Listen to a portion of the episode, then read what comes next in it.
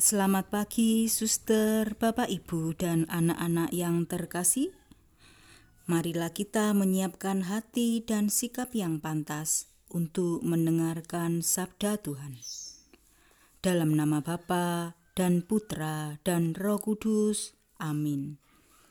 Allah Bapa yang Maha Kasih, terima kasih atas hari baru ini.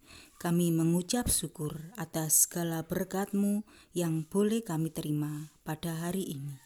Siapkanlah mata hati dan pikiran kami untuk mendengarkan sabdamu. Inilah Injil Yesus Kristus menurut Yohanes. Dimuliakanlah Tuhan. Sekali peristiwa, Yesus berkata kepada orang-orang Farisi, "Aku berkata kepadamu, Sesungguhnya, siapa yang masuk ke dalam kandang domba tidak melalui pintu, tetapi dengan memanjat tembok, ia adalah seorang pencuri dan seorang perampok. Tetapi siapa yang masuk melalui pintu, ia adalah gembala domba. Untuk dia, penjaga membuka pintu, dan domba-domba mendengarkan suaranya. Ia memanggil dombanya masing-masing menurut namanya dan menuntunnya keluar. Jika semua dombanya telah dibawanya keluar, ia berjalan di depan mereka, dan domba-dombanya itu mengikuti dia, karena mereka mengenal suaranya.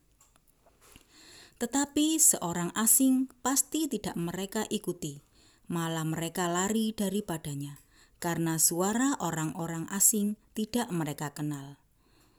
Itulah yang dikatakan Yesus dalam perumpamaan kepada mereka.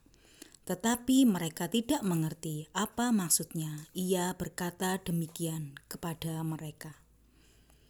Maka kata Yesus sekali lagi, Aku berkata kepadamu, sesungguhnya akulah pintu kepada domba-domba itu.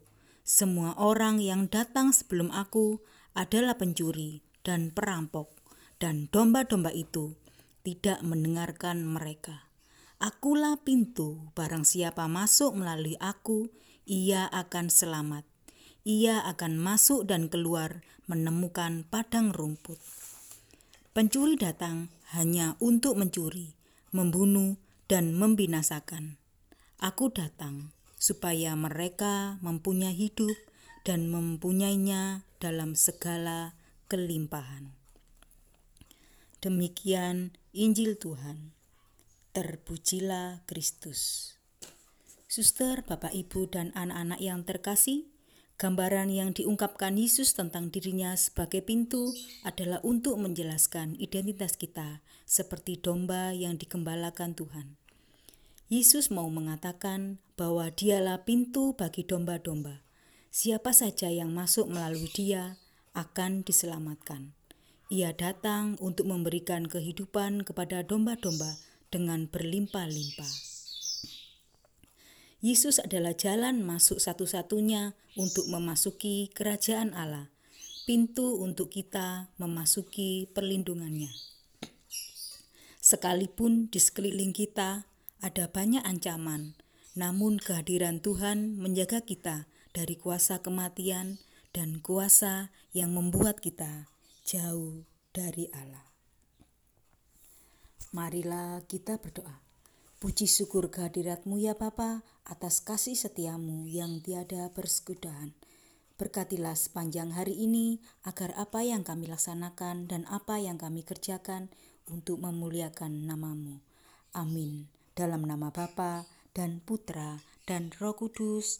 Amin.